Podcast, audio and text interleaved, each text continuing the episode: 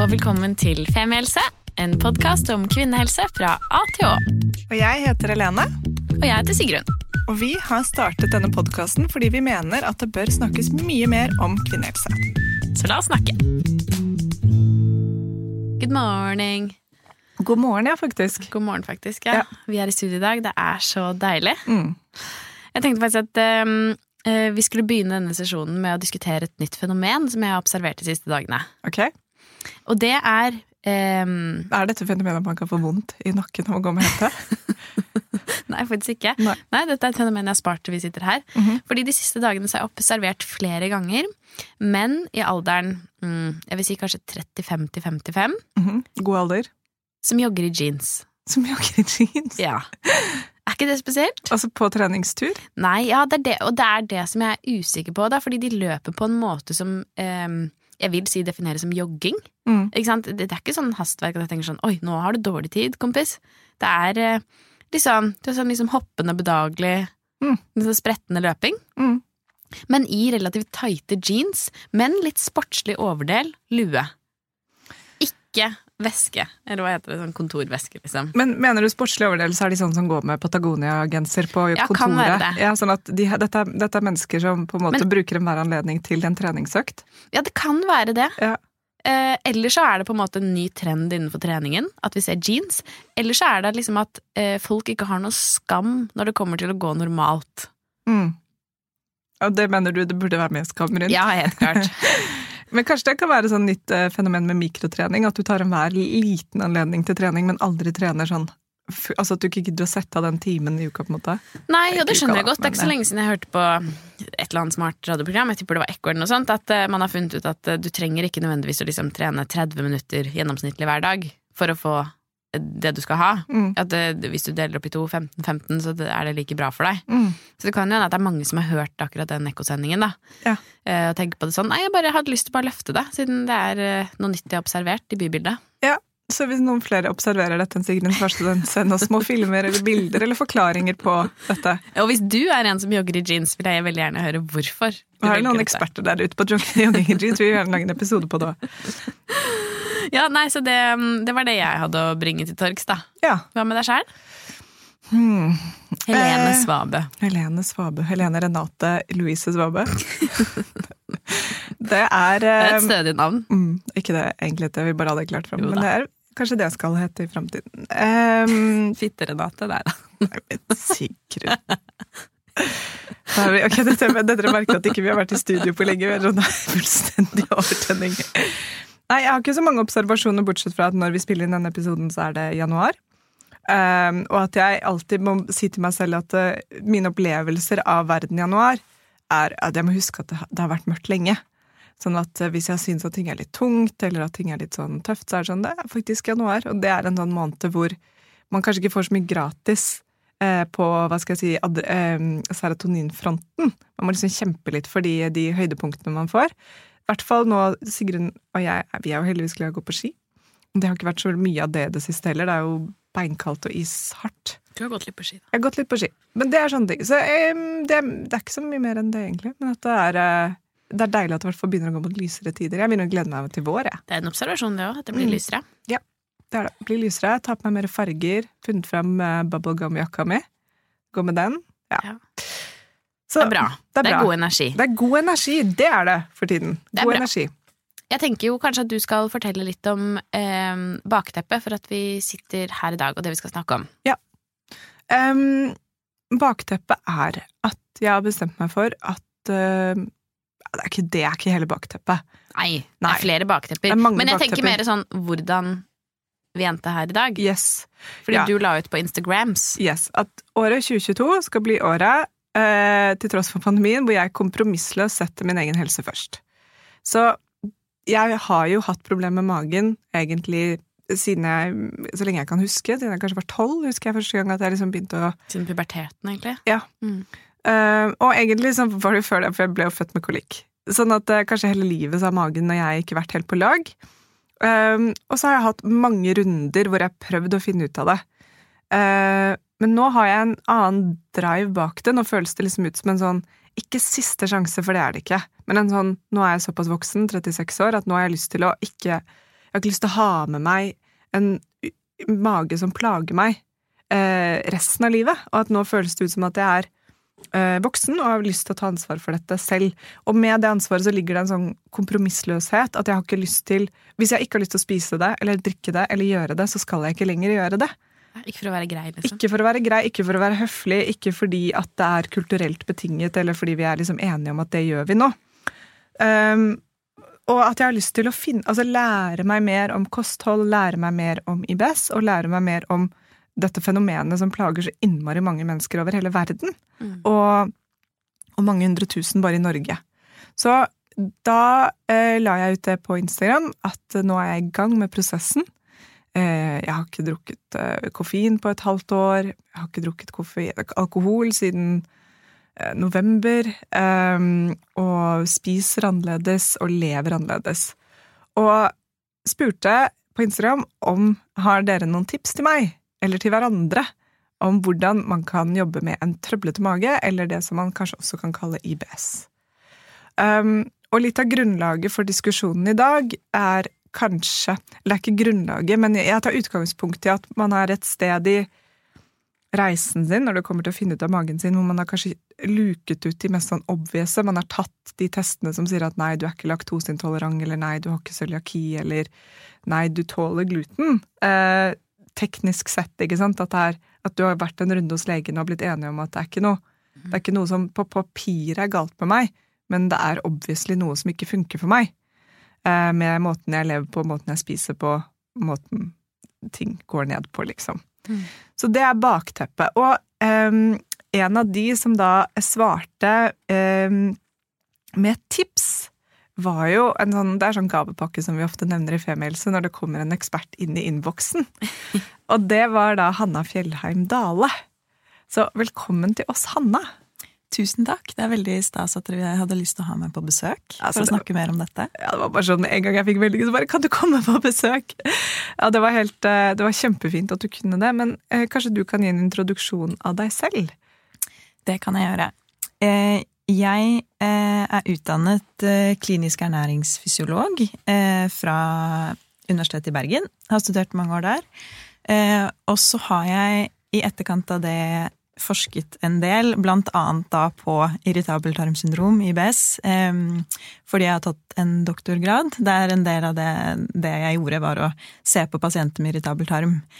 Eh, og eh, akkurat nå så jobber jeg som klinisk ernæringsfysiolog på Lovisenberg diakonale sykehus, hvor vi faktisk har en egen poliklinikk hvor man kan henvises med mage-tarm-problematikk. Så det jeg gjør på daglig basis nå, det er å snakke med pasienter som er mye plaget med magen, og de fleste har jo da irritabel tarm.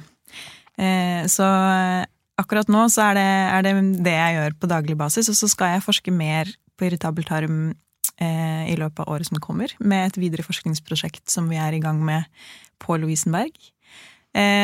Så det er sånn faglig Jeg har en utdannelse og forsker litt på det nå, og er jo opptatt av eh, generelt, da, som ernæringsfysiolog, hvordan det vi spiser, påvirker kroppen vår.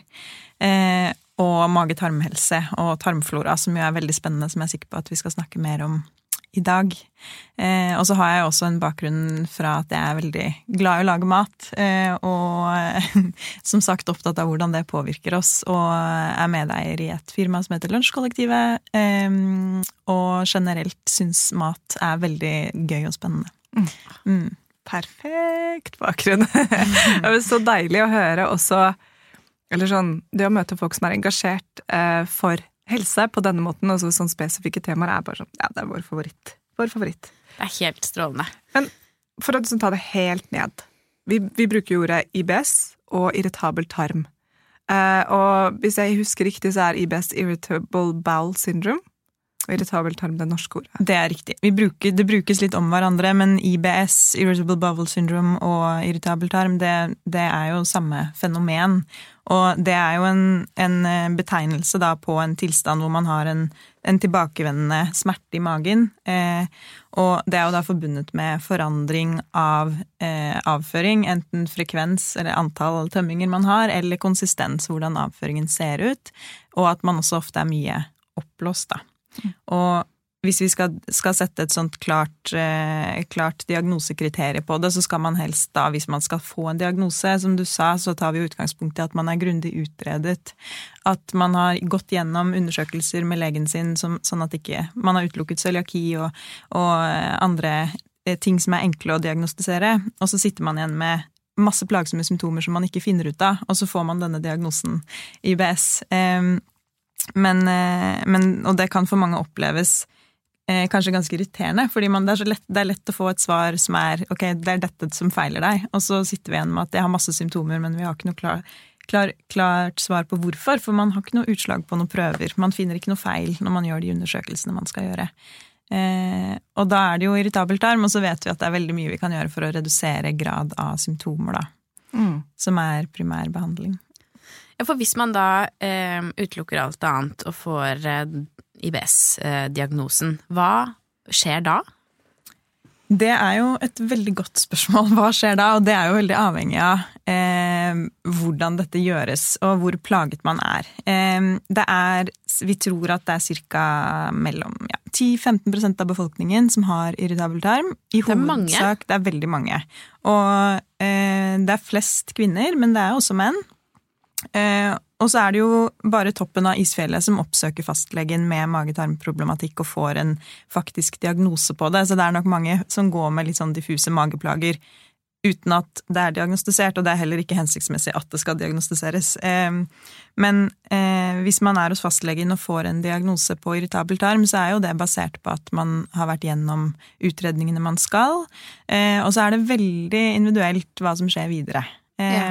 Det kommer litt an på hvor du bor, kanskje, hva slags tilbud fastlegen har å, å, ta tak i videre, om fastlegen kan noe om dette selv, som jo kan variere. Heldigvis så vet vi jo mer og mer, og det er mye ny forskning de siste årene som gjør at mange fastleger òg er mye mer kompetent på å behandle irritabel tarm i primærhelsetjenesten. Men så er det jo mange som er såpass plaget at de henvises videre til spesialisthelsetjenesten. For eksempel på Lovisenberg, der jeg jobber, så har vi jo en gastroavdeling som som får pasienter fra fastlegene rundt omkring som har irritabel tarm. Og eh, man kan henvises til kostholdsveiledning i form av IBS-skoler og kurs rundt omkring. Veldig mange sykehus har det. Eh, så bra. Ja, det er veldig bra. Eh, og så har vi noen steder i landet så finnes det jo bedre tilbud enn andre steder. Eh, på Lovisenberg så har vi en avdeling hvor man kan henvise spesifikt med irritabel tarmproblematikk, og vi er flere kliniske ernæringsfysiologer som jobber med å hjelpe mennesker med, med mageplager og tilrettelegge kosthold, eh, fordi vi vet at det kan ha mye å si for mange. Eh, og så er det klart at det er noen som har effekt av noen type medikamenter og kan følges opp av legen for det. Eh, og ja, flere andre tiltak vi kommer inn på etter hvert, er jeg sikker på.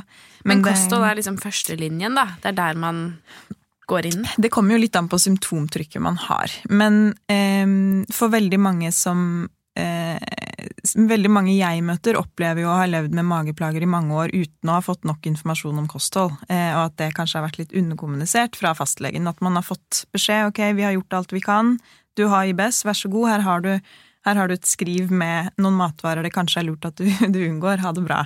Eh, alt er fint. Eh, og, og, det gjør jo at mange ender opp eh, litt Eh, frustrert på egen hånd, prøver mange ting. Eh, veldig mange av de jeg ser, har allerede vært gjennom mange ting på egen hånd og utelukket så utrolig mye unødvendig fra kostholdet sitt, og det er jo veldig trist at det ender opp med det. Eh, så det kan jo være en hjelp, hvis man er veldig plaget, å få hjelp til å sortere litt i dette med kosthold.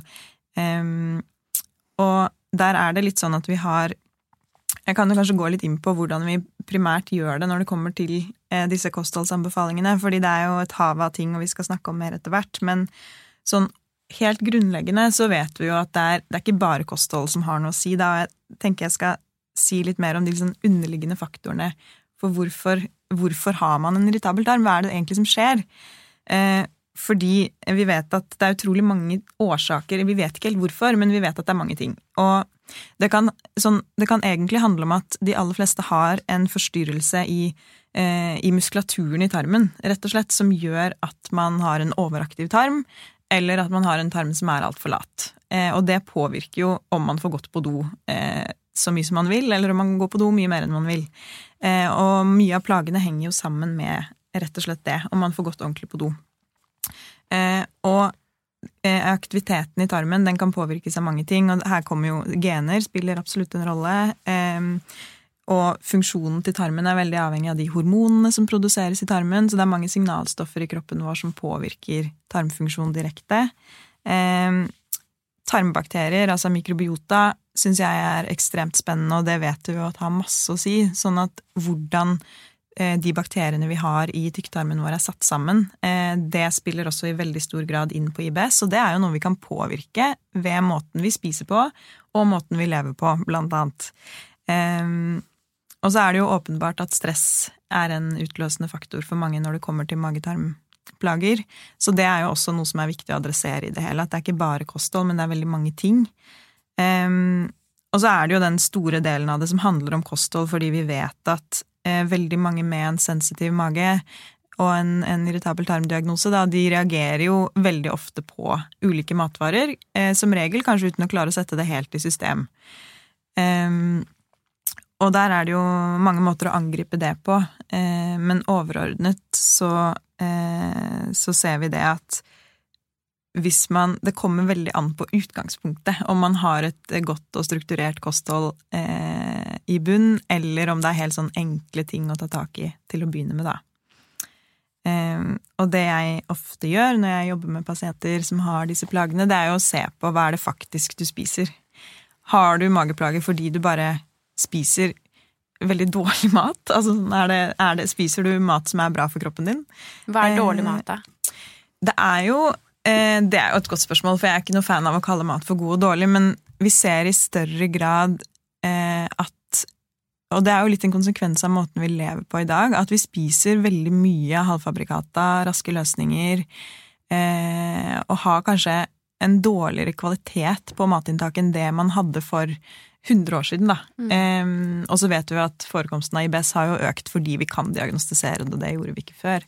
Men, uh, men det er jo en sånn ting som er, er, relevant å se på. Hva er det faktisk man spiser? Um, og uh, om man da reagerer på spesifikke matvarer, så går vi jo mer i, i, i bunn uh, Eller ser vi mer detaljer på det etter hvert. Men de overordnede rådene eh, ved, for å behandle irritabel tarm, det handler om å og passe på å tygge maten godt. Det er sånn kjedelig råd dere har hørt før, helt sikkert. Tygge maten godt, spise sakte, eh, ha små, hyppige måltider.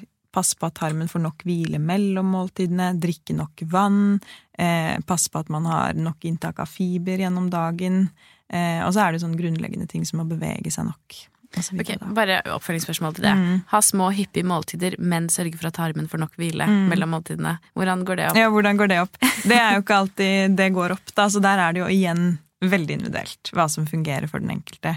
Um, og det er ikke små, hyppige måltider fungerer åpenbart ikke for alle, men det handler om å ha litt struktur på det. Det jeg gjennomgående ser, er at mange som lever litt sånn hektiske liv, har ikke helt struktur på en fast måltidsrytme. At det kan variere veldig når på dagen man spiser frokost, lunsj og middag.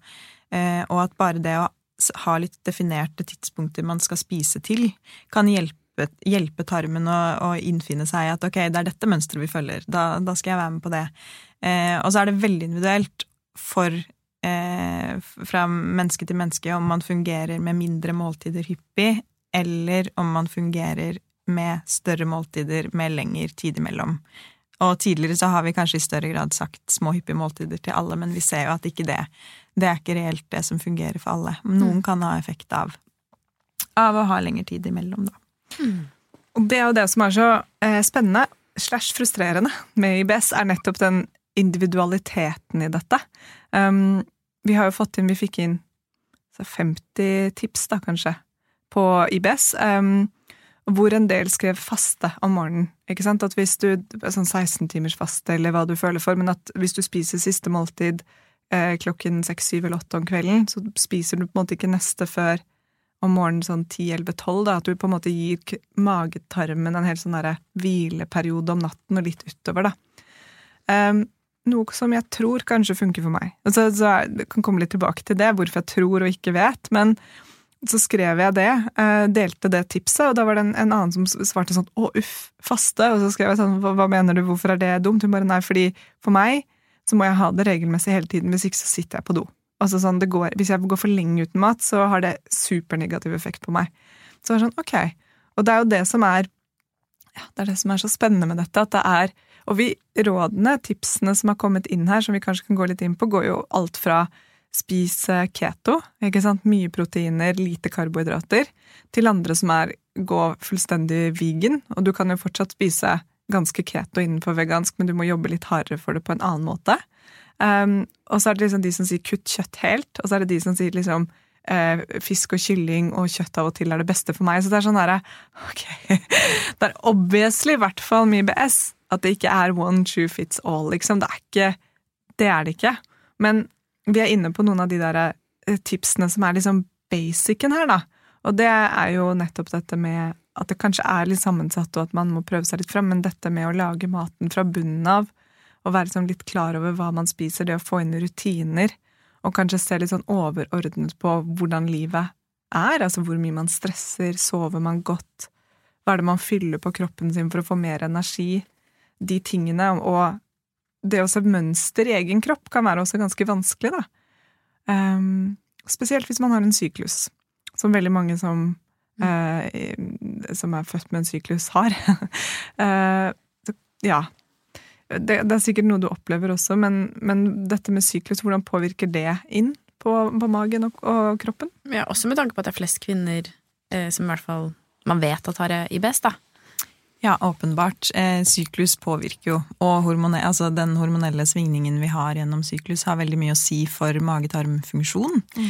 Eh, og det er jo dette igjen alt er individuelt mye best. Det fins ikke et fasitsvar, og det er ikke noe svart-hvitt-løsning som fungerer for alle. Men eh, det vi gjennomgående ser, og som også er støttet i forskningen, det er jo det med at når vi har en, en syklus hvor vi eh, Kanskje de, hvis vi, de to første ukene så, mange, så opplever mange at, eh, at ting kan fungere ganske bra, eh, og at magen kanskje funker bedre. Eh, og så ser vi sånn typisk at eh, fra eggløsning og til til man begynner å blø, at ting kanskje kan eh, stoppe litt gradvis opp. Men av økning i progesteron så er det faktisk sånn at da er det mange som, hvis man har en, en IBS med forstoppelsestendens, opplever at det løsner idet man begynner å blø, eller kanskje de dagene utover i menstruasjonen. Da. Og det kan faktisk forklares eh, rett og slett som en direkte konsekvens av hvordan økt progesteronnivå påvirker muskulatur i tarm eh, og gjør at ting bare slipper mer, eller slapper mer av. Mm. Sånn at de, de, de, svingningene der har ganske mye å si. Og så er det individuelt hvordan folk opplever det, da. Mm. Og fordi det er Det tror jeg vel eh, akkurat det der med, med, menstruasjon og avføring Som jeg tror vi har snakket om en gang før i Femihelse. Sånn det er aldri noen gang i livet jeg føler meg så sexy som de første dagene med menstruasjon og sånn kraftig diaré. Da tenker jeg sånn Nå nå, nå, nå føler jeg meg liksom, nå er, nå er jeg klar for å ta verden med storm her. Um, og som også på en måte, og det er jo noe av det som um, jeg opplever, og som jeg føler at en del eh, som har problemer med magen, opplever at det er sånn noe med å skille ja, No pun intended Clinton fra hveten her, liksom, men bare sånn derre at noen ting kanskje ikke er den generelle problematikken med noen ting er en sånn ganske vanlig ting som mange kvinner opplever et par dager i måneden, at da blir magen påvirket av nettopp mm. menstruasjon, da, for eksempel. Mens eh, forskjellen er at jeg da kanskje har det resten av måneden også. Um, men um, hvis vi går litt tilbake igjen til dette med, med tarmfloraen, for det er jo et nytt forskningsfelt som har blitt veldig eh, Jeg føler at alle tarmflora er på alles lepper, er det lov å si? Men at det er en veldig sånn eh, At det har blitt et veldig stort forskningsfelt, og at man snakker om at på en måte man har like mye eh, celler i, i, i, magen som man har i hjernen, og at det er liksom hjerne nummer to. og Jeg syns det er kjempespennende. Vi har brukt det eksempelet før også, at um, hvis du spør Hvis små barn gruer seg til noe, så får de ofte vondt i magen. Og det er jo noe som eh, ikke er like akseptert i voksen alder, bortsett fra at hvis du skal holde et foredrag, så er det ganske vanlig å få en sånn ordentlig nervøs mage før, da. Men um, det jeg vil egentlig lure litt på, er hvordan kan man eh, påvirke eh, tarmfloraen positivt, og bygge opp den? Og kan tarmfloraen påvirkes av stress? Vet du noe om det? Ja, og det er et veldig godt spørsmål, og her er det jo veldig mye spennende som skjer for tiden. Eh, og som du sier, tarmfloraen påvirker jo åpenbart absolutt alt. Eh, altså funksjonen i kroppen vår sånn overordnet. Eh, men det som er Tarmfloraen er jo en direkte konsekvens av måten vi spiser på. Eh, og det man har sett gjennomgående i studier, er jo at det, veldig, det går ganske raskt å endre sammensetningen av de bakteriene vi har i tarmen, hvis vi endrer måten vi spiser på.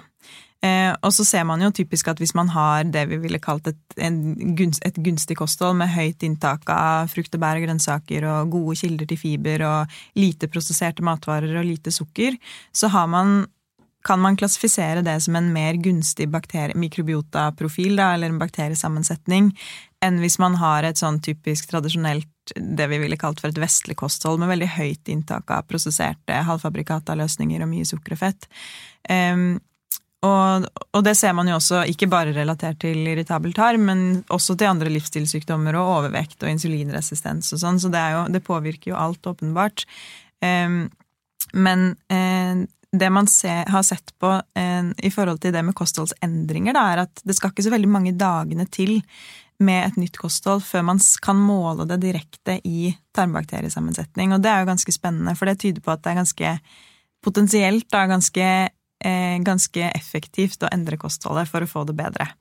Eh, men akkurat den endringen er jo én ting, men så ser man at det kan ta lengre tid før man ser effekt av den endringen.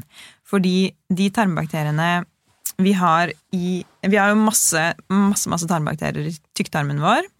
Og ved en irritabel tarm så eh, sier man ofte at man har det vi kaller for en dysbiose, som er en negativ forskyvning i tarmbakteriesammensetning, da, enkelt forklart at du har eh, kanskje færre av de gode eller for mye av de dårlige, sånn at sammensetningen jobber litt mot deg, eh, og det kan bidra til å opprettholde symptomer.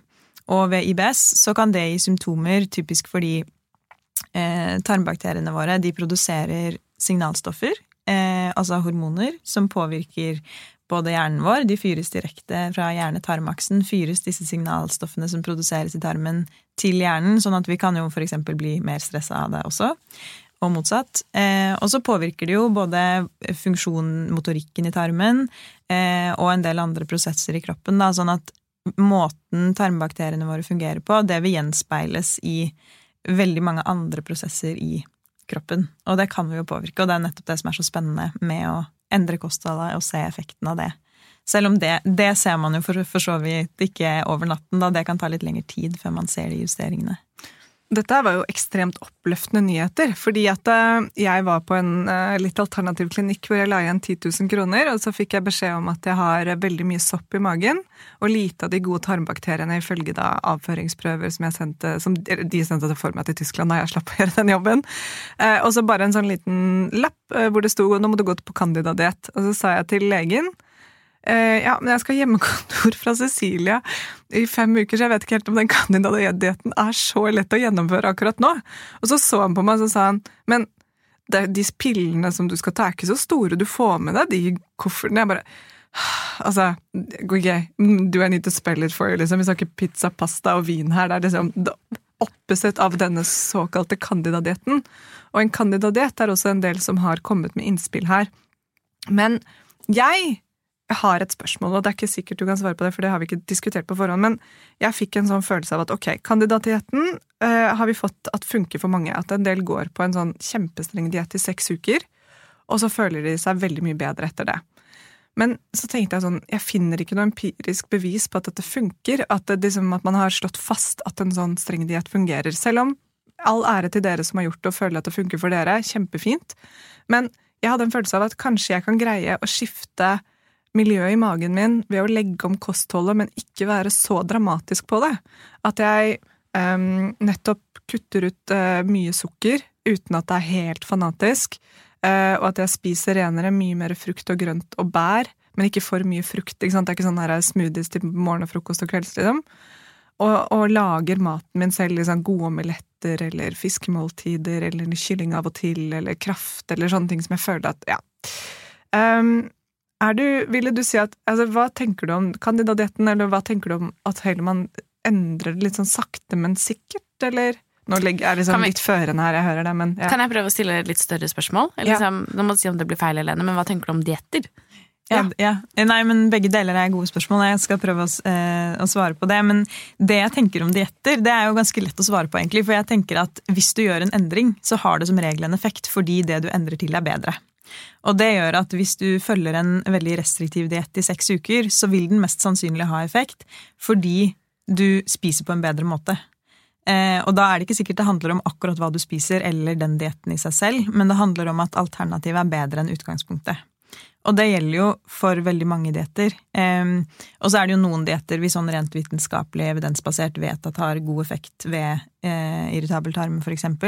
Når det kommer til det, en candida-diett, så er jo ikke det noe vi bruker sånn rent uh, evidensbasert i, i vanlig norsk helsevesen, men jeg har full forståelse for at folk uh, oppsøker litt andre kanaler og, og at ting har effekt. Og det jeg syns er viktig å kommunisere med det, er at eh, placeboeffekten er helt fantastisk. Og hvis man gjør en endring eh, og tror på det, og det har effekt, så er det ingenting som er bedre enn det, så fremt du ikke ender opp med å spise unødvendig restriktivt. Ja. For det er det som er på en måte min eh, Det er det jeg er mest opptatt av i det arbeidet jeg gjør, er at de jeg følger opp, ikke skal ende opp med et unødvendig restriktivt kosthold. Fordi eh, mat er så mye mer enn bare de reaksjonene man får. Eh, mat er jo utrolig Det er jo på en måte en gøy ting i livet, syns jeg. Så hvis man skal ende opp med å spise unødvendig restriktivt for å ha kontroll på symptomene, så er det veldig viktig å kommunisere at det er ikke alltid det er verdt det for livskvaliteten. Fordi det å leve på en streng diett kan for veldig mange gå mer negativt utover livskvaliteten enn det å leve med litt symptomer. Ja. Altså, jeg har jo gått på den, og det var ikke av magen, men eh, sopp i underlivet. Ja. Eh, Jeg ble både veldig tynn og veldig trist. ja. Ja. Ja. Og, det, og det var jo ikke noe varig, men og der også tenker jeg sånn, fordi hvis det også blir et veldig stort skille fra man går på en diett, og så slutter du, og så spiser du som du gjorde før, har det da noen egentlig effekt? Nei, da vil jo, hvis vi er tilbake til disse tarmbakteriene, så vil jo det kunne forskyve seg tilbake til sånn som det var, da. Men jeg kan prøve å eksemplifisere det litt med for eksempel eh, Jeg vil tro at mange av de som hører på nå også, har hørt om denne lavfoodmap-dietten, som jo er det vi sånn Nå snakket vi litt innledningsvis om disse generelle rådene, at man kan gjøre fiberjusteringer og passe på generelt kvaliteten av det man spiser, og redusere på kaffeinntak og alkohol og de veldig grunnleggende rådene som vi absolutt anbefaler å prøve først. Um, hvis man ikke har effekt av det, så er det jo anbefalt, um, basert på nå både evidensbasert eh, og erfaringsbasert, uh, hva som har effekt de, for de fleste. Um, og det handler jo om å om å redusere på inntak av en type tungt fordøyelig karbohydrater, eh, som vi med en samlebetegnelse kaller for foodmaps. Da. Og det, foodmaps står for eh, fermenterbare oligosakarider, disakkarider, monosakkarider, N, altså på engelsk, og polioler, så det er bare navnet på disse karbohydratene som kan være tungt fordøyelig. Og eh, det er jo noe mange som lever med irritabel tarm nå har forsøkt seg på, i større eller mindre grad. Og så er det jo sånn, hvis man skal følge denne dietten helt strengt, så er jo det en veldig streng diett. Og mange har kanskje fått delt ut en lapp fra fastlegen med 'prøv dette'. og så har de fulgt denne lavfoodmap-dietten, men de har bare kuttet ut absolutt alle matvarene, eller disse tungt fordøyelige karbohydratene, i to år. Og så har de helt eh, glemt, eller ikke fått nok informasjon om at det som er viktig, og det som er hele hensikten med denne dietten, er at man skal følge den en kort periode, og så reintrodusere én og én matvaregruppe for å finne så, sitt toleransevindu, da. Ja. Um, og, og det er jo veldig dumt når man da ender opp med at ting er unødvendig restriktivt. Sånn at det jeg ofte gjør når jeg følger opp pasienter, er å kanskje prøve en litt sånn light tilnærming til en lavfoodmap-diett i første omgang, fordi det for veldig mange er bedre å redusere grad av symptomer, skjønne det i stor grad Skjønne, det, skjønne litt mer hvorfor de har de symptomene de har, men å ikke måtte gå så strengt til verks, fordi det i seg selv kan være ganske krevende, og trigge en litt sånn Det blir jo veldig mye fokus på mage-tarm og hvordan funker dette, når man gjør det så systematisk. systematisk. Eh, og for mange kan jo det føre til at man kanskje blir nesten for bevisst, og at det er veldig lett å kjenne godt etter når man holder på med det. Eh, så det å gjøre litt sånn tilbake til kan man gjøre små justeringer og se effekt av det på sikt? Ja, absolutt. Og igjen, da tenker jeg at det med de små endringene man gjør, vil man kanskje ikke merke like akutt effekt av som å følge en kjempestreng diett. Men hvis man endrer til det bedre, så vil man sånn Det vi tenker, er jo at man på sikt da vil kunne dytte tarmbakteriene i riktig retning, sånn at langtidseffekten av det blir veldig god. Og det kan jo være litt en trøst når man har litt symptomer fordi man eh, Nå har vi ikke snakket i detalj om lavfettdiett, men hvis man liksom spiser litt løk og hvitløk og blir litt oppblåst, så er det ikke sikkert at det egentlig er noe dumt. Det kan hende det er bra, fordi det gjør at du vedlikeholder de gode tarmbakteriene eh, uten at det blir for strengt. Og at det å kutte ting helt ut i lengre perioder vil være mer negativt, da. Er lavfoodmap det samme som antiinflamatorisk? Nei, Nei. det er det absolutt ikke. Ok. Eh, Lavfoodmap-dietten er en eh, Det er litt viktig å understreke at det er jo en litt sånn medisinsk diett, som vi bruker eh, i behandling av mage-tarmplager. Eh, IBS og, og i noen tilfeller andre type mage-tarmproblematikk. Som har mye luftplager og smerter og endret avføringsmønster. Eh, og det tar da utgangspunkt i å redusere på en type tungt fordøyelig karbohydrater som vi vet at kan være triggende for mange. Og grunnen til at, eh, at disse karbohydratene kan være triggende, det er rett og slett at de eh, fordøyes ikke fullstendig i tynntarmen. Eh, så- og det skjer ikke hos noen, så det er helt normalt. Og så kommer de til tykktarmen, der vi har alle disse bakteriene som jobber for og imot oss, som spiser på disse tungt fordøyelige karbohydratene som de skal. Eh, og da dannes det typisk mye gass. Som det også skal, men hvis du har en IBS, så er du ofte ekstra sensitiv for gassdannelse. Du kjenner ekstra dette trykket som dannes, og du kan ha problemer med å bli kvitt det i større grad enn når man har en helt frisk tarm, da. Og det gjør at eh, hvis man reduserer på totalinntaket av, disse, av sånne type høyfoodmap-matvarer, så er det mange med en IBS som opplever at magen fungerer bedre. Og der er vi inne på en ting. Eh, smerte. Fordi eh, en, Jeg har nevnt denne forskningen før, men min favorittforskning som jeg leste på IBS, var nettopp det at de førte et sånn liten eh, Ballong. ballong yeah. og så blåste de den opp inn i magen på selvfølgelig folk med IBS og kontrollgruppe folk ikke med IBS. Og de med, en del av de med IBS rapporterte det som sånn sinnssyk smerte, og de uten var sånn Jeg kjenner meg jo litt oppblåst og bla, bla. Men Ehm, fordi dette er litt sånn spennende i forhold til den episoden vi har spilt inn med Tina Tellum som heter Endometriose 2.0, hvor hun snakker om dette med smertesirkel, og at nervene på en måte blir sånn vant til å du blir, altså, si Veldig sånn, responsiv på smerte. ja, det, som, det, det er ikke sånn at det som ikke dreper deg, gjør deg sterkere. Det som ikke dreper deg, gjør deg bare sånn mer At du får mer vondt. At det blir sånn som Tina som finnes en autoban mellom på en måte eh, smerten i livmor og opp til hodet. Men at det er, kan jo være noe av det samme med magen også. Ja, absolutt. Og det som er så litt rart med sånne mage-tarmplager, er at det er veldig Vi er ikke egentlig skapt for å ha vondt innvendig. Det blir en, en veldig annen type smerte enn det å ha vondt i et bein eller utenpå, som er mye mer sånn håndfast. Men å ha, eh, ha smerter eh, i mage-tarm, det kan gå enda mer negativt utover livskvaliteten, fordi man kan føle at man har mindre kontroll på det selv, på et eller annet vis. Det er så veldig diffust. Um, og det å leve med de smertene er jo åpenbart noe som for mange eh, ja, påvirker livskvaliteten veldig negativt, og kan, kan eh, som du sier, være veldig avhengig av, avhengig av forskjellige typer ting, og, mm, eh, og trigges, trigges, ja, av Mm. forskjellige ting. Um, og en annen ting som jeg da eh, Jeg syns det er veldig spennende, og det har jo også kommet en del av disse appene som heter blant annet en som heter Nerva, og jeg fikk tilsendt en annen sånn, hypnoterapi, sånn hypnose, eller hypnoterapi, hvor du ligger og hører på sånn, og så er det en dame som teller meg liksom ned i søvn nesten, og så sier hun sånn Your bowels are working perfectly. It's like a river running through you. No more pain, no more constipation. Og så blir jeg sånn Altså Jeg syns uansett hva den gjør eller ikke gjør, så er den så deilig å høre på at jeg koser meg liksom med den. Det er 20 minutter om dagen egentlig, da.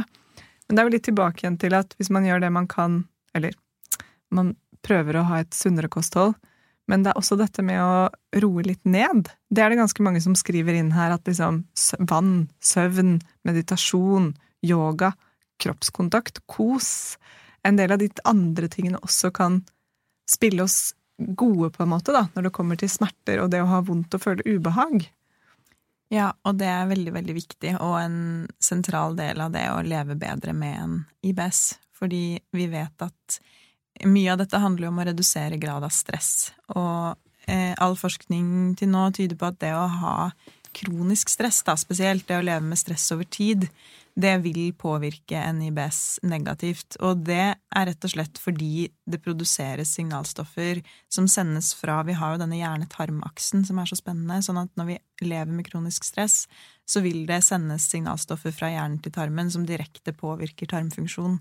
Og ved å jobbe med sånne typer stressreduserende tiltak, bevege seg, eh, jobbe med mindfulness, eh, yoga, bare det å passe på å få nok frisk luft og ha nok fine mennesker i livet, det kan jo være positivt på mage-tarmplagene fordi det er med på å redusere de ytre faktorene, da. Og én ting jeg tenker er fint, bare for å eksemplifisere litt Det kan oppsummere en del av de tingene vi har snakket om, fordi eh, sånn overordnet så er jo budskapet her at det er ekstremt mange ting som påvirker en irritabel tarm, og det er ikke et fasitsvar med én ting som funker for alle. Eh, og det handler for de fleste om å finne litt sin vei i å håndtere symptomene og bli litt klokere på når får jeg symptomer, hva kan jeg gjøre for å, for å redusere grad av symptomer, og hva funker for meg. Og jeg pleier å beskrive det litt som at hvis man ser for seg mage-tarmsystemet sitt som, et, eh, som en tiliters bøtte, da, så fyller du på, og dette er jo for å eksemplifisere matvarereaksjon spesifikt, men det kan jo brukes til andre ting, fyller på med matvarer i løpet av dagen eller uka, så kommer typisk mageplagene idet den tilitersbøtta er full og renner over. Og noen kan jo oppleve at den bøtta den ligger og skvulper hele tiden, så man har konstante symptomer. Men plutselig, hvis man begynner på en ny diett eller reduserer litt på totalinntaket av disse høyfoodmap-matvarene, så kan det hende at ting fungerer bedre, for da ligger ikke denne bøtta og skvulper over. Men eh, de aller fleste jeg møter, sier jo også at 'jeg skjønner ikke dette'. Noen dager så tåler jeg det helt fint, og så uken etter så tåler jeg det ikke. Og det er jo helt normalt, for det er ikke noe sånn svart-hvitt-svar. Og det dere kan se for dere, er at hvis din personlige toleranse da, er illustrert ved denne tilitersbøtta, så er ikke den tiliter konstant. Størrelsen på den tilitersbøtta den kan variere fra dag til dag og uke til uke, avhengig av stressnivå, hvor du er i menstruasjonssyklusen din, om du har sovet godt, sesong, altså vær og vind kan påvirke det for mange, om man har ferie og tid til å sove ut, tid til å ta seg rolig morgener osv., eller om man er i jobbsetting og må løpe ut døra om morgenen. Altså det er så mange ting eh, som påvirker den toleransen. Det er ikke bare kosthold. Og det gjør at det er veldig viktig å ta tak i flere elementer samtidig da, for å få kontroll, og kanskje ikke henge seg opp i at løsningen er sånn én enkel, en, en enkelt matvare. Eh, for det er det sjeldent. Mm. Men sier du med dette også at det å ha eh, disse typer problemene mange, for mange vil være noe man vil måtte ha med seg for resten av livet? Eh, det er òg veldig individuelt. Noen har en irritabel tarm som en direkte konsekvens f.eks. av å ha hatt en mageinfeksjon eller brukt mye antibiotika som kan være forbigående. Eh, men de aller fleste som har en IBS-diagnose, må nok være innstilt på til en viss grad å ha litt sånn at man må ta noen hensyn, men så er det veldig mange som opplever å få god kontroll, og kanskje finne litt de nøklene som fungerer, som gjør at man kan leve fint med det. Men det er jo en kronisk eh, tilstand for de fleste som, som, vil komme og gå litt, da. Og så kan man ha mange gode perioder og tidvis dårlige perioder, men det er veldig individuelt. Mm. Altså, jeg tenker jo på mange måter som det som en fin ting, eller å på innstille seg på at, at det er litt sånn det er, men hva tenker du om det, Helene? Ja, i gode perioder så tenker jeg at, uh, at, det er en fin ting at det er litt sånn der, at man, at man, innstiller seg litt på det. Det kan være ganske empowering i de periodene hvor jeg føler at uh, ja, Sånn som nå, at jeg liksom er inne på et veldig fint spor da, i livet generelt, men også liksom med mat og mage, og jeg koser meg med mat og ja. Men så andre ganger så føles det jo veldig veldig håpløst, ikke sant? hvis det er mange dager hvor jeg er dårlig, og, og jeg føler at jeg gjør liksom alt rett, på en måte. Um, så kan jeg bli litt Og så kan det kan være en del Eh, jeg, ikke, jeg, vet ikke hvor man snakker om det. kan være en del frykt med det å ha IBS. Nettopp det at man vet at det påvirker hodet. Eh, så kan jeg bli liksom Ok, er det derfor jeg føler uro av og til? Er det derfor jeg er litt sånn deprimert, eller ikke deprimert, men deppa nå? ikke sant? At det blir en sånn kan føles litt som et stort ansvar av og til. Fordi at det er ikke på en måte i gåstegn bare at jeg har diaré eller vondt i magen. Det er også at jeg føler at hvis jeg ikke tar kontroll over kostholdet mitt og livet mitt, så på en måte ødelegger jeg min egen psykiske helse også. At det er liksom mitt ansvar å fikse det. Så det, så er derfor jeg har skiftet, prøver å skifte litt fokus på at nå er jeg på lag med magen min. Vi to er et team. Vi jobber sammen, jeg og mikrobene mine. Vi, liksom, vi heier på hverandre. Og at det ikke bare handler om kosthold, men at jeg også adder ting som er øh, Som jeg syns er hyggelig, da. Som å gjøre mer yoga, eller høre på den der lille appen, eller, eller søke mer kos, eller roe ned. At det også er sånn Den, den veien her skal også være hyggelig. Um, så er det liksom litt sånn både og. Mm. Fordi en ting er sånn hvis man eh, drikker mye Pepsi Max, og så finner man ut at ok, shit, eh, E-stoffer eller søtningsstoffer, det trigger det for meg, så kan du kutte ut det. Så hjelper det ganske mye, men du er kanskje ikke helt fin. Så det, det liksom, men når det blir så diffust, så føles også ansvaret litt sånn Mm. diffust. Ja. Det var Så- veldig klokt sagt, syns jeg. Og det, jo, det er jo en nøkkel, det der. Og det hadde vært lettere hvis det var en enkel løsning, men for veldig mange er det ikke det. Mm. Og så syns jeg også det er viktig å legge til at nettopp det der med hvordan man har det mentalt, det ser, ser vi jo veldig tydelig at de dagene magen ikke funker, så er det veldig mange som føler seg nedstemt. Ja. Eller får i større grad angstproblematikk. Og det, det er også en, bare en direkte konsekvens av at tarmen og hjernen snakker så, så tett sammen. Sånn Mm. at det, det du beskriver, er jo veldig normalt for de fleste, men det gjør jo også at det handler ikke bare om mageplagene, men det blir mye større. Og det, derfor så ta, kan det jo ta altfor stor plass i livet, da, hvis man Mm. ikke får redusert symptomene i stor nok grad til å føle at man har kontroll på det selv. Det er kanskje nøkkelen ligger litt der, at man i større grad skjønner hvorfor ting er som de er. Så for meg handler det nå veldig om en sånn jeg har, For jeg har kjempet litt imot de siste ti årene at det er en, hva skal jeg si, en psykisk diagnose. ikke sant? Når, når noen sier ro ned eller gjør dette, så har jeg vært sånn nei! Ja, og det Ah. er det heller ikke. Jeg syns ikke vi skal kalle det det, men det er bare det er et element av det som må adresseres på et tidspunkt. Da. Nettopp. Det er det jeg mener, at nå har jeg på en Mm. måte akseptert litt mer at hode og mage henger sammen. Akkurat som at selvfølgelig kosthold og mage henger sammen, og hodet. Så jeg har på en måte akseptert at det er liksom, for å bruke det ordet, holistisk eller liksom helhetlig, eller en sirkel, eller at alt påvirker litt alt. Og det betyr også at jeg aksepterer at det kommer dårligere perioder, fordi sånn er livet. Men at um, ja, at det, bare, det, er en, det, er en, det, er en, det, er, det er flere elementer som må på plass for at, uh, for at magen min skal være happy. Da. Og så er det dager den ikke er det. Og det er helt greit. Og det er ikke sikkert eh, Mest sannsynlig tenker jeg er ikke det fordi du gjør noe feil, eller fordi du kunne gjort noe annerledes, men det bare er litt urettferdig. Ja. Og det handler kanskje om for mange å akseptere det også, de Mm. dagene det bare er dårlig. At ikke det nødvendigvis er et fasitsvar på hvorfor. Selv om det er litt kjipt. Jeg skulle ønske det var en tryllestav.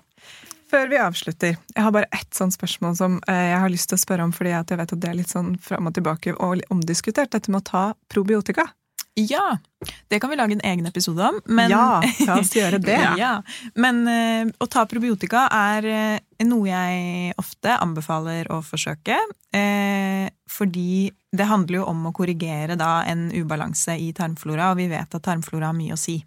Men problemet med å ta, anbefale probiotika der vi står i medisinen i dag, da, er at vi har ikke Nå har du vært privat og tatt en test og fått, eh, fått en skann eller utskrift av hvordan din profil ser ut, men det er ikke noe vi gjør i, per dags dato i vanlig utredning. Det kan hende vi skal gjøre det om noen år, og på bakgrunn av det gi en spesifikk type, mikro, eh, type mikrobiotarettet behandling, altså et probiotika som passer for deg. Men foreløpig så er det litt skudd i blinde fordi det fins et hav av ulike probiotikatilskudd som inneholder forskjellige typer bakteriestammer og sammensetning av bakteriestammer. Og så vet vi ikke helt hvordan det påvirker deg unikt, fordi du har en helt unik bakteriesammensetning i din tarm. Eh, og det gjør at det jeg ofte anbefaler, eh, er å prøve litt forskjellig. Prøv deg litt frem.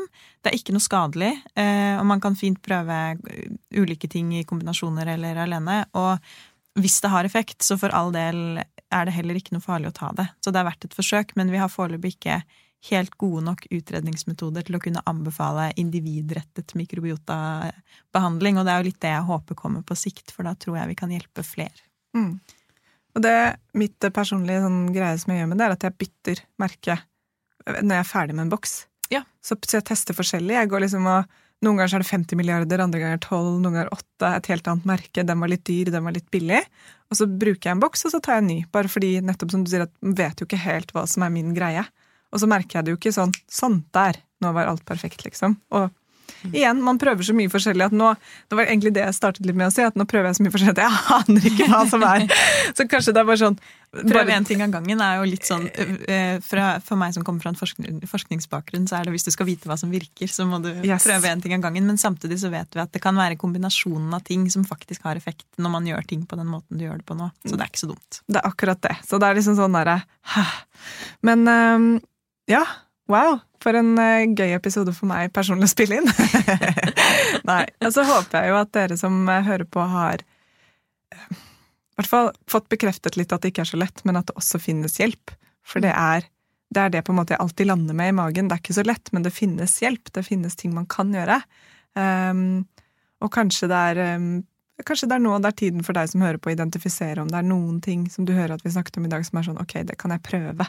Om det er på en måte å teste litt lavfood-map, eller om det er eh, å se på andre ting, så kan det være Kanskje det er tiden er inne for å teste litt. Men som du også sier, Hanna, at man prøver liksom en og en ting og gjør det uten å være for streng med seg selv. Og ikke slutter å leve.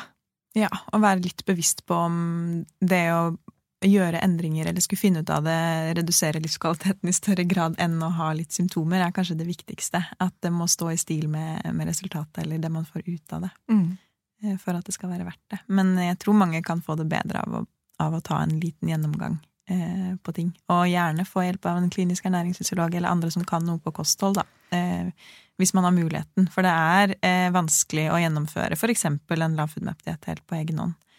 Eh, så det kan jo være nyttig å, å få litt veiledning på det. Virkelig.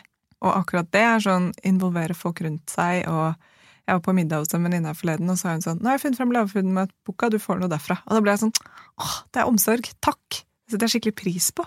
Sånn, og det kostet henne ingenting å gjøre det. Det var bare så hyggelig. Um, og så er det en liten shout-out til det programmet dere har på Lovisenberg. At man kan snakke med fastlegen sin, og hvis dere har kapasitet, så, så kan man få hjelp hos dere på poliklinikken. Så ja. Ja, absolutt. Og så kan jeg legge til at det går også an Fastlegen kan også henvise til et sånn digitalt IBS-kurs i regi av eh, Nasjonal kompetansetjeneste for funksjonelle mage-tarm-lidelser i Bergen, som er um, veldig flinke på det. Og så hvis man ønsker mer informasjon digitalt er motivert for å sette seg litt inn i det selv, så er det også en mulighet hvis man ikke har man ikke har mulighet til å henvises til et sykehus med kompetanse direkte på IBS. Da. Mm. Det er kjempefint. Så bra. Så bra. Tusen, tusen takk, Hanna. Det har vært veldig spennende og lærerikt. Og ja, fint å snakke med deg. Tusen takk for meg. Jeg syns jo som forsker på IBS, og som jobber mye med IBS, at det er gøy å få komme hit og snakke om det eh, på en måte som når ut til mange. Eh, på en litt mer lavterskel, i en litt mer lavterskelarena. Så det har vært kjempegøy. Så, Så bra. Takk. Vi må gjerne komme tilbake en annen dag og snakke mer om mikrober og probiotika og mage. La oss gjøre det. La oss gjøre det. Veldig bra. Tusen takk. Vi snakkes eh, neste uke, dere. Det gjør vi. Ha det. Tusen takk for at du hørte på podkasten vår. Selv om det forhåpentligvis kommer tydelig frem, så vil vi understreke at vi ikke er helsepersonell. Ja, så som vanlig, kontakt legen din om du har noen spørsmål, eller om du skal begynne på noen form for behandling. Og har du et tema som du har lyst til at vi skal snakke om, eller noe ris eller ros, så send oss gjerne en melding på Facebook eller på Instagram. Der finner du oss under Femihelse. Og du kan gjerne rate oss på iTunes, det er skikkelig hyggelig for oss. Ha en fin dag! Ha en kjempefin dag!